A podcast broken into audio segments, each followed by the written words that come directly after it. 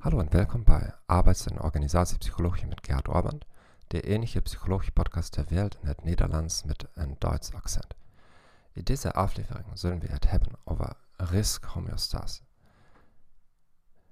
Een ander woord voor risicohomöostase is risicocompensatie. Het betekent dat mensen hun gedrag aanpassen aan de waargenomen risiconiveaus. Een nieuwe Veiligheidsvoorziening kann Menschen ertoe aanzetten om risikovoller Gedrag te vertonen. Diese Theorie kann bijvoorbeeld verklaren waarom condoomdistributieprogramma's niet resulteren in lagere prevalentie van AIDS.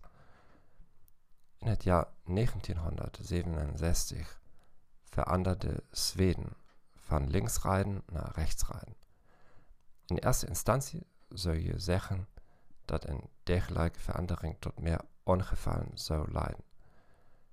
In werkelijkheid lag het aantal doden bij verkeersongevallen de komende twee jaar lager dan normaal.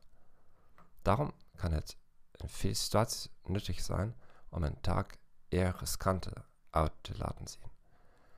Als gevolg hiervan zullen medewerkers minder risicovol gedrag vertonen. Een praktisch voorbeeld is het concept van gedeelde ruimte in sommige steden. Of shared space. Daar zijn alle verkehrsborden verwijderd. Als gevolg hiervan gedragen chauffeurs zich voorzichtiger. Ik dank u voor het luisteren naar deze podcast. Ik wens je een fijne dag en tot ziens.